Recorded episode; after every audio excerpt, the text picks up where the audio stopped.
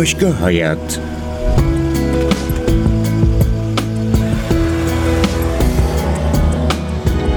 Hazırlayan ve sunan Macide Berber. Radyo dinleyicileri ben Nacide Berber. Bu hafta Başka Hayatta tekrar bir aradayız. Yeni hikayelerle karşınızdayız. Başka Hayatta yaşam biçimlerini, yaptıkları işleri, yaşadıkları şehirleri değiştirenlerin yaşam öykülerinin peşine düşüyoruz biliyorsunuz. Bugün aslında çok bildik bir hikaye ama onun kendisinden dinleyeceğiz. Sevgili Ercan Kesal bizimle birlikte olacak. Hekim, oyuncu, yönetmen ve yazar. Aslında iki duraklı diyebiliriz. Bildiğimiz kadarıyla tabii ki bir başka hayat yolculuğu var. Hekimlikten işte oyunculuk, yönetmenlik ve yazarlığa ve şimdi de aslında Urla'da başka bir yaşama geçiyor Ercan Bey. Şimdi hikayesini kendisinden dinleyeceğiz. Söz Ercan Kesal'da.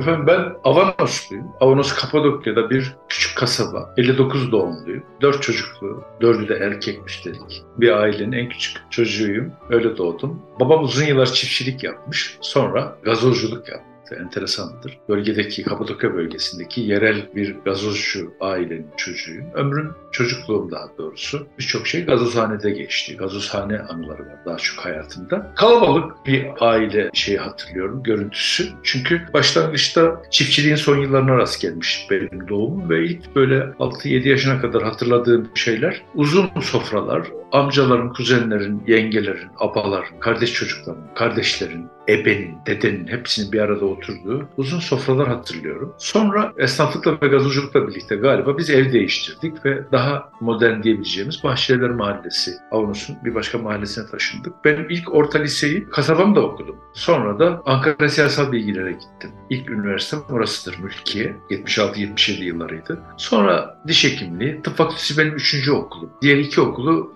yarım bıraktım. Tıp fakültesini bitirdim şükürler olsun. Hekim oldum. Sonra da mecbur hizmet için tekrar yeniden doğduğum yerlere geri döndüm gittim diyelim. Ankara'nın Keskin, Kırıkkale, Bala ilçelerinde hekimlik yaptım. Sonra da 90 yılıydı, 91 yılıydı İstanbul'a geldim. Geliş o geliş hep ondan sonra hep İstanbul'da oldu. Bugüne kadar da İstanbul'dayım bir şekilde garip bir biçimde herhalde insan kendisini etkileyen topraklara, coğrafyaya geri dönüyor. Geçen gün bunu çok başka bir örnek üzerinden de açıklamıştım. İstanbul biliyorsunuz aslında Türkiye'nin en fazla göç alan ili Büyükçe'de bir mega köyü. İster istemez hani bunu da söylüyorlar ama yakıştıramasam da kolay bir tanım olduğu için kullanıyorum ben de. Yani etrafında bir sürü bir sürü Anadolu kentinin yer aldığı bir büyük kentte yaşıyoruz. Metropolde yaşıyoruz. Tabii doğal olarak benim hastanecilik yaptığım, hekimlik yaptığım, 25 yıl süreyle yaşadığım ok meydanında da Erzincanlılar var, Sivaslılar var, Giresunlular var. Cenaze araçları gider çok sık bulunduğum yerden. Sorduğumda hiçbirisinin İstanbul'a gömülmek istemediğini öğrendim. İnsan doğduğu yerleri tekrar yeniden geri dönüyor sanki öldükten sonra da. Belki de bu şeyin yapının İstanbul'da olamayışı gerçek manada İstanbul'a gömülme işlerinden mi acaba diye de garip düşüncelere kapılırım. Yani insan gömüldüğü yerin sahibi oluyor çünkü. Anlatabiliyor muyum? Siz aslında doğduğunuz yerden daha çok öldüğünüz yerin sahibi oluyorsunuz. Doğduğunuz yerden sonra sizi başka bir survivor bekliyor. Başka bir hayat mücadelesi bekliyor. Belli ki göç ediyorsunuz, gidiyorsunuz. Yurt içinde ya da yurt dışında ekmenizin peşinde, işinizin, hayallerinizin peşinde koşuyorsunuz ama size sorduklarında hak vaki olduğunda nereye gömülmek istersin dendiğinde de dönüp dolaşıp doğduğunuz yerde ananızın babanızın ayak ucunu istiyorsunuz. Bu bana çok hem etkileyici hem trajik hem de gerçek geliyor. Ben de baktığınızda evet Avanos'a herhalde anamın babamın yanına gömülmek isterim. Ama İzmir'de bir kısa bir, bir yıl kadar yaşadığım Paris'i de belki hayatımda ilk kez görüp çok etkilendiğim Meksika'nın bir kentini de benzer duygularla aynı özlemle hatırlayan, yaşayan bir insan. Urla böyle bir yer benim için. Bugünlerde ağırlıklı olarak yine İstanbul hayatımızda ama Urla'da bir yaşamı tesis ettiğimizi, bizi bekleyen bir hayatın orada bizi heyecanlandırdığını söylemeliyim. Kısaca böyle.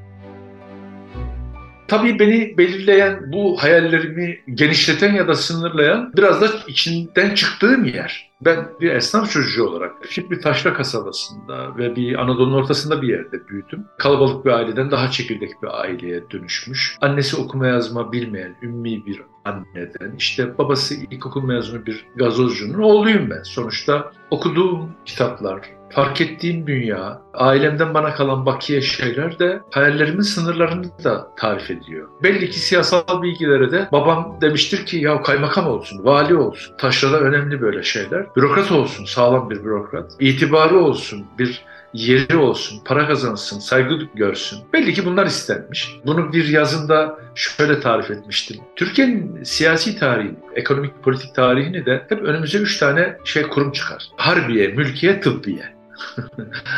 ben üçünü de zorlamışım geriye doğru dönüp baktığımda. Bir kere mülkiyeyi zorlamışız, mülkiyeli olmuşuz bir kere. Harbiye nedir derseniz, valla babamla beraber kuleli askeri sınavları dahil, hava harp okulu sınavları dahil bir sürü yeri de zorlamışım. Asker de olmaya çalışmışım. Yani subay da olmak istemişim. Galiba üçüncüsünü de becermişiz. Tıbbiyeli olmuşuz ama şimdi tıbbiyeli ne kadar tıbbiyeliyiz o da ayrı bir hikaye. Bu üç kapı, bu üç güçlü kurum özellikle bir taşra ailesinin mutlaka hayallerini süsler. Beklentim neydi? Tabii ki iyi bir okulda okuduğumu fark etmiştim hızlıca ve aşkla da siyasallı, mülkiyeli olmuştum. Fakat yıl 76-77 Türkiye başka bir ekonomi, politik bir dünyanın içerisine savrulmuş. İç savaş koşulları, benim yaş kuşağımda olanlar iyi bilirler. İç savaş koşulları Türkiye'yi bekliyor ve bir kaotik bir dönem bu. 76-77 darbe öncesi, 12 Eylül darbesi öncesi. Adeta sabahleyin sağ kalkıp kalkamayacağınızı bilemediğiniz bir dönemdi bu. Zor, karışık, tozun dumanın her şey birbirine karıştığı yıllardı bunlar. O yüzden iki şeye yaradı bence.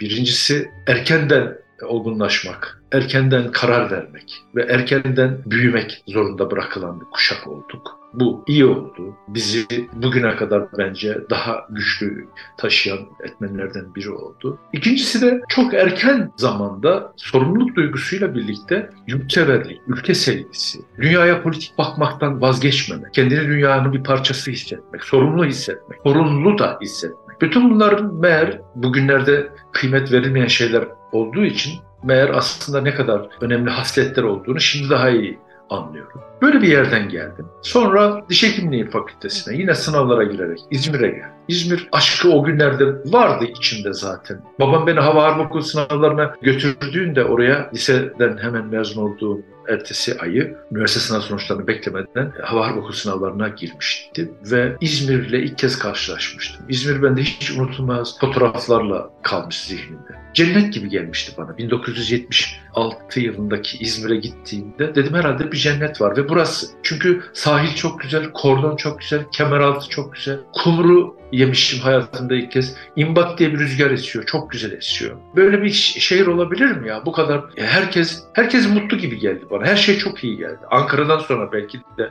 Taşra'dan sonra belki de bilemiyorum. Hani bu nasıl bir nasıl bir kent burası dedim. Şimdi de benzer duygularla İzmir'i yaşarım böyle. Kendimi hep oraya, oraya yaklaşınca iyi hissederim. İzmir'de kendimi hep böyle sakin hissederim. Bu yüzden belki de diş hekimliği ve tıp fakültesi Bornova. Evet burada kalırım ve yaşarım dedi. Daha sonra Urla'yı seçiş sebebimiz de belki bu bir şey diye düşünüyorum. Çok çok tesadüf. Çünkü ben uzun yıllar hekimlik yaptım. Mecbur hizmetten sonra da bulunduğum kasabada çok kaldım. Bala'da uzun yıllar kaldım. Sonra istifa ettim ben kamudan. İstanbul'a geldiğimde işsiz bir hekimdim. Hekimdim ama işsizdim. Özel sektörde çalışmaya başladım. Çok uzun yıllar çalıştım. Sonra arada bir 95-96 yılında bir Fransa var. Paris'e gitmeler var. Sonra döndüm. 97-98 yıllarında bir hastane kurdum. Özel bir hastane. Kamuda çalışamayacağım için yaptım biraz da. Rahat etmek, kendi bildiğim gibi bir hekimlik yapmak için aslında sıvandığım bir işti. 25 yıl hastanecilik yaptım. Ben 2006-2007'ye kadar, 2008'e kadar hatta sinemaya dahil olamadım. Eşim Nazan Kesal'la, Nazan kırılmış o zamanlar. Onunla tanıştıktan sonra onun müktesebatıyla, onun çevresindeki insanlarla, onun çalıştığı yönetmenlerle tanışmak, onlarla sohbet etmek ve beraber bir şey vakit geçirmek şansına sahip oldum. Benim bu yüzden sinemaya girişim elbette onun arkası dolu, sinema aşkıyla dolan, yönetmen olmayı hayal eden, sinema kitaplarıyla çi dolmuş bir adamdım ama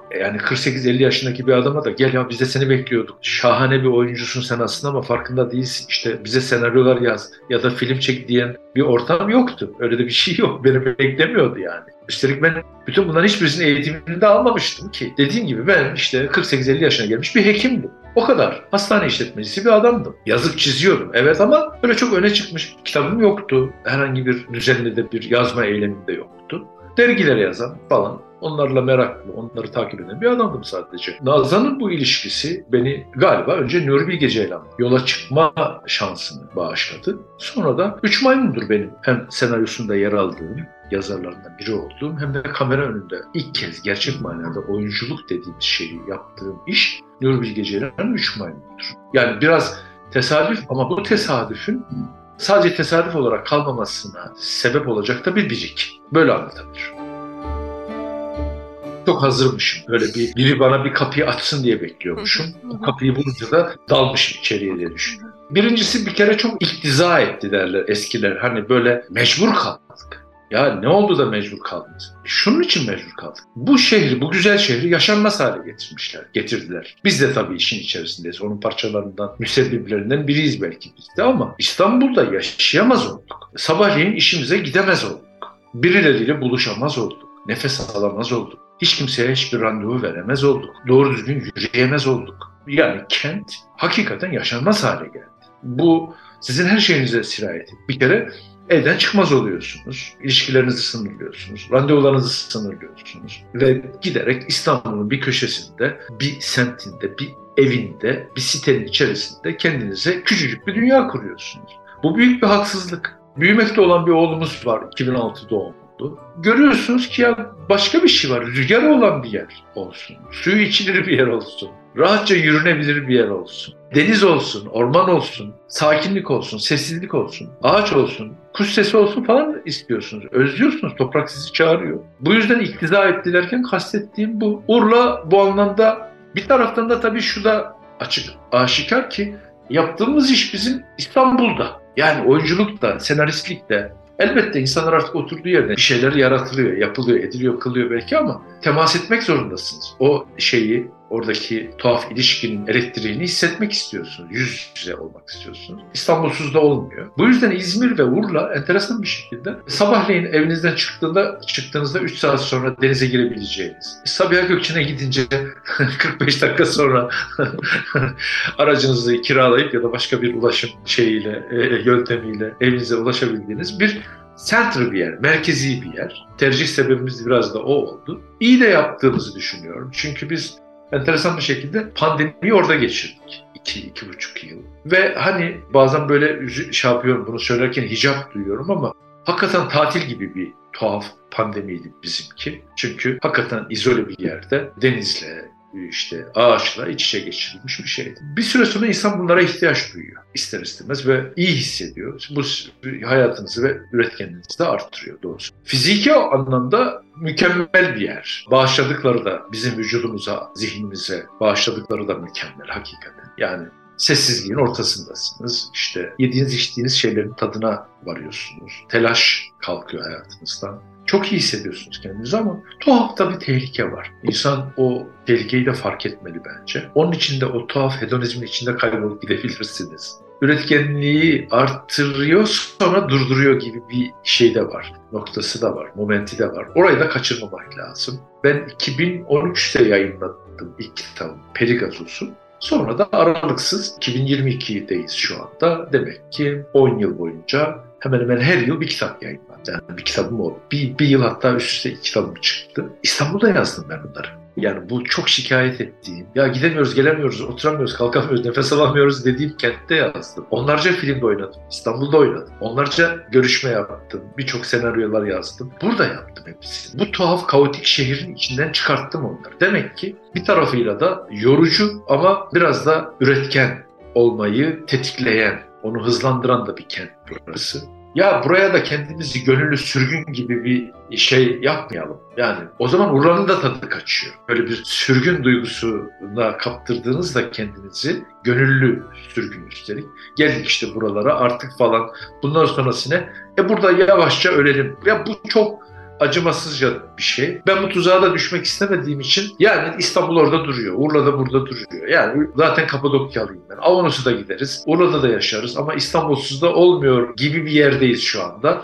Sizinle de şu an biliyorsunuz İstanbul'dan konuşuyorum. Çünkü bir ulusal kanalda diziye başladım. Haftada üç günden aşağı olmayan biçimde setteyim. Eşim tiyatro yapıyor, tek kişilik oyunu var. Aynı zamanda o da bir dizide oynuyor falan. Birazdan bir senaryo toplantısına gireceğiz. Bir arkadaşım burada sizinle konuştuktan sonra yazacaklarımız ve tartışacaklarımız var. Anlatabiliyor muyum? Ama önümüzdeki haftada iki günümüzü ayırdık. Evet Urla şeyimiz var. Biraz böyle bu iyi geliyor. İstanbul için de iyi geliyor. Urla için de iyi geliyor bu düşünce biçimi. Onu anlatmak için uzattım.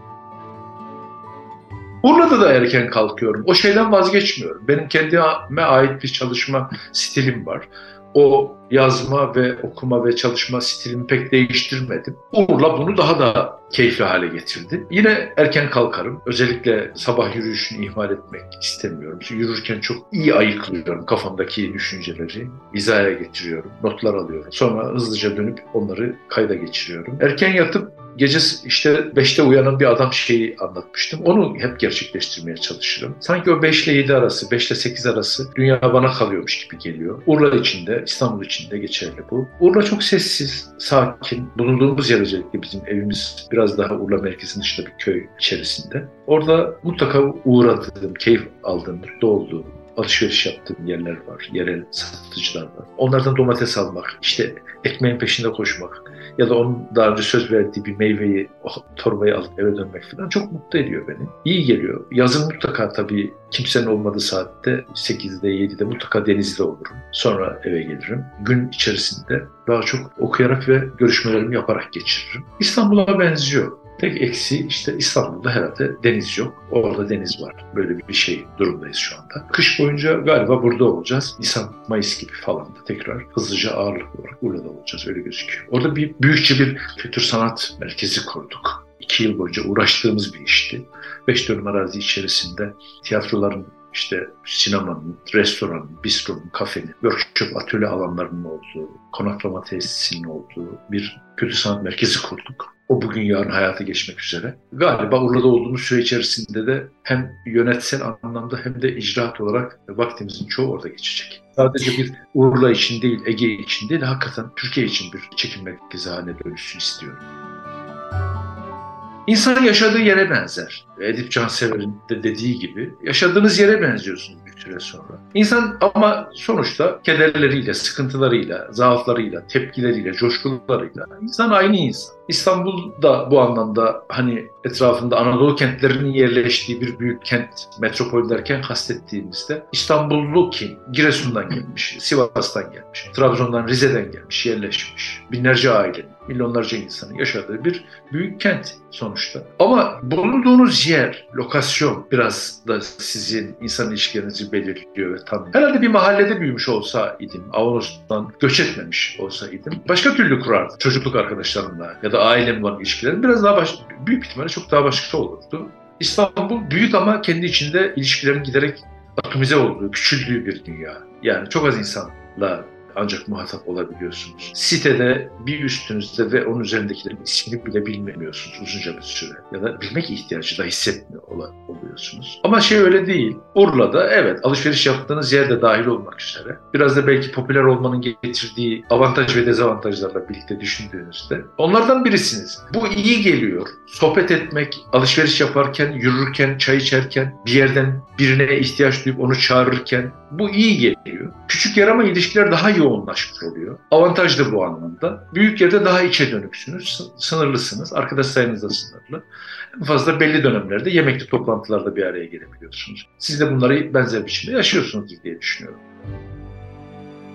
Kesinlikle korkmadan atlasınlar. Bu düşüncenin peşine düşsünler. Hiç çekinmesinler. Yani bunu öyle bir bulunduğum yerden pervasızca ya onu bunu bilmeden konuşuyor gibi akıldan lik yapıyor gibi söylemiyorum. Konfor alanlarını terk etmekten korkmasınlar öncelikle. Bu bir şey değil ki. Yani ama bunu yaparken de benim biraz önce sözünü ettiğim gibi kendilerine tuhaf, gönül bir sürgün hali duygusuyla yapmasınlar.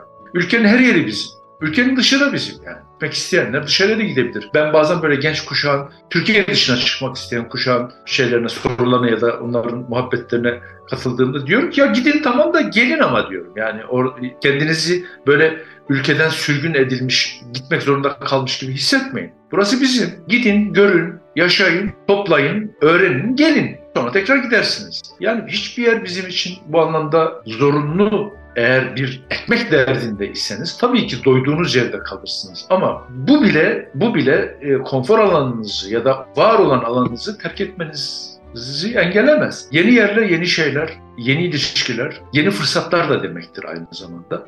Ben bunları üst üste yaşamaktan hiç imtina etmedim. Her seferinde faydasını gördüm. Her coğrafyanın, her gittiğiniz yerin, her insanın bir hikayesi var ve mutlaka onlardan size bir şey kalıyor. Çekinmesinler ama böyle bunu da geri dönülmez radikal bir sürgün hali gibi içselleştirmesinler. Onu söyleyebilirim. Sevgili NTV Radyo dinleyicileri, bu hafta Başka Hayatın konuğu hekim, oyuncu, yönetmen ve yazar Ercan Kesal'dı. Aslında hekimlikten sinemaya nasıl bir başka hayat değişimi yarattı, yaşadı. Sonrasında ise şimdi Urla'da başka bir hayat değişimi daha yaşıyor. Hikayesini bizlerle paylaştı. Hoşçakalın.